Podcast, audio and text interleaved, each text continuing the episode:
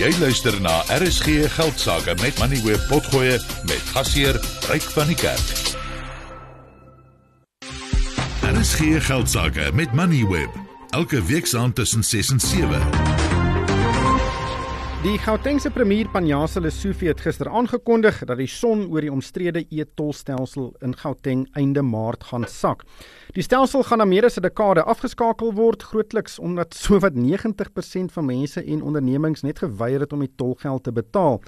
Die stelsel is aanvanklik in 2013 in werking gestel om te betaal vir die groot uitbreiding van verskeie snelweë in Gauteng. Die stelsel het ook tot die stigting van die burgerregte organisasie, die Bondgenootskap teen Stedelike Tol of OUTA in 2012 gelei. Uh OUTA se naam het natuurlik later verander na die organisasie teen belastingmisbruik, so die mandaat is 'n bietjie uitgebrei. Maar dit het alles begin met Etol. Andrea van Heerden is op die lyn. Sy is van OUTA. Andrea, baie welkom by die program. Ek neem aan die vonkelwynproppe het behoorlik gepop daar by OUTA gisterand. Goeiemiddag Ryka, baie dankie dat ons die geleentheid kry om met julle te gesels vanmiddag.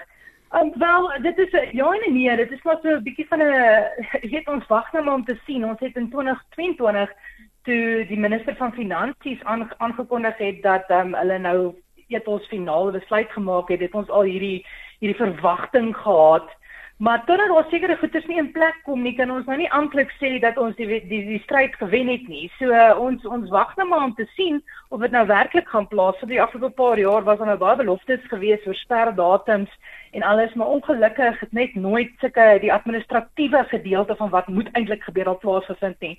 So totdat dit nie gebeur nie, dink ek um, ons is maar nog steeds op um, op beter koers. Ons wag nou maar vir hierdie goeders om te realiseer. Ja, Outa het 'n baie kritieke rol gespeel die afgelope dekade en en daar was baie baie hofsaake waarby jy betrokke was. By hoeveel sake was jy betrokke? Het jy 'n syfer? Ja, en nee, ons het 'n syfer reg, maar ek dink dit is belangrik om te verstaan daar's twee aspekte van dit. So ons het ons individuele aangeleenthede. So basies wat dit beteken is daar is ondersteuners of die, no die normale mense van die publiek wat outa gekontak het en gesê het help ons want Sandra het dagvordering teen ons uitgereik vir agterstallige e-tol bedrag en um, as gevolg daarvan het ons in 2015 het ons hierdie verdedigingssambreel um, op die been gebring en basies wat dit beteken is die individu gee vir 'n mandaat en ons stel dan prokureurs aan om hierdie regsaangeleenthede namens daai individu um, aan te pak. So daai bedrag is so net onder 2100 individuele aangeleenthede wat ATA se prokureurs namens hierdie ondersteuners van ATA verdedig het en suksesvol verdedig het.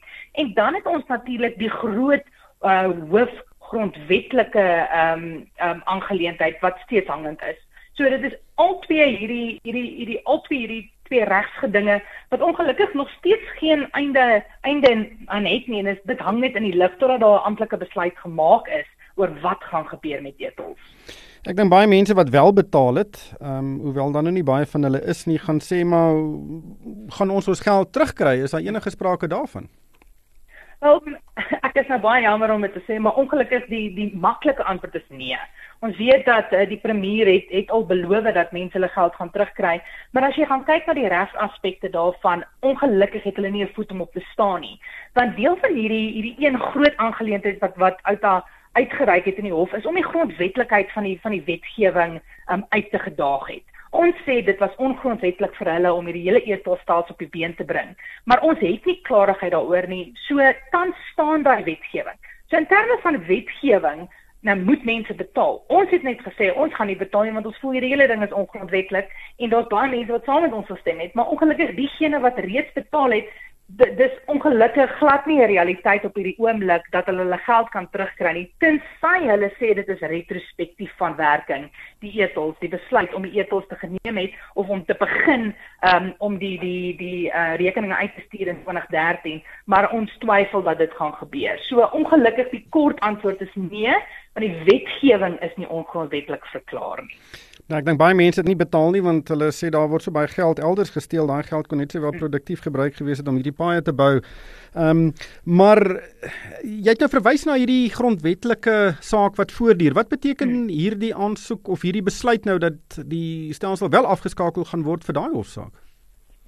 Wel dis die dis nou die eh, die die groot probleem waarmee ons sit en ons het al vir die afgelope uh, paar jaar van 2019 die 27ste Maart om presies te wees 2019 toe die Sanral Board hierdie hierdie deklarasie gemaak het om te sê hulle plaas 'n moratorium om voort te gaan met enige hofaangeleenthede. So alles hang in die lug. En um, totdat daar nie 'n besluit, 'n amptelike besluit geneem word oor wat aangaan nie, hang hierdie goeters nog in die lug. So ons het in die afgelope paar jaar regtig keer om met Sanral te sit en net 'n kompromie te bereik oor hierdie litigasie want tegnies wat moet gebeur is omdat Sanral die dagvaardings uitgereik het is hulle veronderstel om al die dagvaardings terug te trek en die kostes te tender daarvoor. Dis hoe die normale reg werk. So tegnies as jy dan kyk moet hulle vir alta die kostes van oor die 2100 aangeleenthede individuele aangeleenthede tender en daai aangeleenthede terugtrek en dan ook natuurlik hierdie groot uh, grondwetlike ehm um, toetssaak wat wat ons ingestel het gaan dan net nie voortgaan nie. Maar totdat daar nie 'n deklarasie uitgereik word, word sê hierdie GFIP of die Gauteng snelweg verbeteringsprojek ehm um, hierdie deklarasies dat die tolroetes is word teruggetrek nie, is daar absoluut niks wat gebeur en alles hang nog steeds in die lug. Nou, ehm um, Panjasa Lesofie het dit laat klink asof dit 'n oorwinning is vir Gauteng dat hierdie besluit nou geneem is. Ehm um, hoe dink jy gaan ons oor so 10 jaar terugkyk na die etol sage?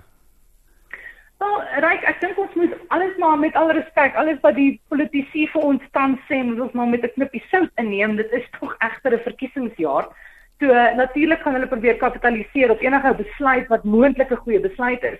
Maar op die einde van die dag, ek dink altyd se se perspektief is net as die regering net geluister het van die begin af, waar waar as aanvanklik ehm, 'n um, voorstel gemaak het toe hulle begin het met etels, ons gesê net 9 sent op die op die ehm um, die fuel levy. Dan gaan hierdie dan dan is alles betaal in 2016 al, maar nou natuurlik het dit nie gebeur nie. So Ongelukkig sit ons met 'n met 'n situasie waar die regering sekere besluite neem en net verwag dat die normale mens net net daaraan voldoen, maar dis ongelukkig nie effektief nie. So kom ons hoop nou maar in as ons nou van 10 jaar af terugkyk na na hierdie hele ethos saak af dat die regering geleer het dat hulle foute uit en dat hulle besef dat dat uh, burgerregtelike organisasies soos ASA, ons is nie daar om net klappe uit te deel nie. Ons is regtig daar om hande te vat met die regering en 'n uh, doeltreffende oplossings te vind wat wat vir ons van kardinale belang is en wat op die einde van die dag elke liewe persoon in Suid-Afrika se sak raak.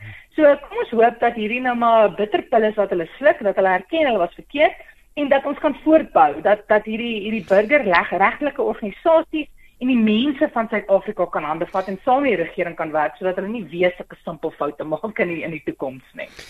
Ja, dit gaan uh die belastingbetaler baie geld kos. Ek sien daar word 'n syfer van omtrent 47 miljard rand genoem. Die nasionale regering gaan 70% daarvan betaal en die Gautengse regering 30% maar uh, dit kom maar alles seker uit belastingbetalers se sakke. Maar hierdie stelsel was 'n goeie stelsel en dit het gewerk. Jy weet daar het honderde duisende motors onder daardie uh, tolhekke deurgery en dan is jou nommerplaat afgeneem en jy het jou rekening in die pos gekry. Dit was 'n dit is was eintlik 'n suksesvolle projek op bedryfsvlak as ek dit so kan stel. Is daar iets wat mens nou met daai infrastruktuur nog kan doen want dit gaan eintlik jammer wees as dit net tot nie tot nie gaan of afgebreek word? Ja, ek dink um, net om bietjie duidelikheid te gee is ons ons glo dit is 'n baie gesofistikeerde stelsel, maar die implementering daarvan was net heeltemal uh, nie nie reg gedoen nie. So die administratiewe kant daarvan was was nie reg gedoen nie. Ek bedoel, as jy net kyk na onthou dit dit alles te doen met die NAT-stelsel. So uh, dit gaan oor mense wat registreer en 'n nommerplaat registreer en die geregistreerde eienaars van voertuie. Dis mense wat dan die rekeninge kry vir e-pos en die NAT-stelsel self is 'n groot probleem. So die administrasie gedeelte van die etosisteem glo ons was 'n 'n groot fop geweest. Maar die gesofistikeerdheid van die etolstelsel wat daar is, is van so 'n aard dat ehm um, daar verskillende dinge gedoen kan word met met hierdie stelsel sonder andere in 2019 toe die president net aangekondig het dat die minister se 'n oplossing moet vind vir hierdie etolsaga het alta het ons voorleggings gemaak aan die ministers en hulle gesê maar gebruik dit vir wetstoepassingsdoeleindes. Ek bedoel eh, jy kan ewen jy kan kan kyk na ehm um, gemiddelde spoedvervolging. Weet wat dit net soveel makliker kan maak. So daar's soveel goeders wat jy kan doen met hierdie stelsel. Ons het die stelsel, so gebruik dit. Wel ons kan ons kan regtig soos ek sê met met wettoepassings, polisieering, daar's die die opsies daar buite is oneindiglik. In plaas daarvan om die mense van Gauteng te hinder en hulle te verhoed om veilig te wees in Gauteng, skerp dit eerder op in plaas daarvan dat jy ekstra stram op hulle plaas en die belastingbetaling net nog meer uit uit uitbuit. Andrea, dankie vir jou tyd. Dit was Andrea van Heerden van Outa. Jy het geluister na RSG Geldsaake met Money where potgoe elke weeksdag om 7 na middag. Vir meer Money where potgoe, besoek moneyweb.co.za of laai die toepassing af en volg Moneyweb News om dagliks op hoogte te bly.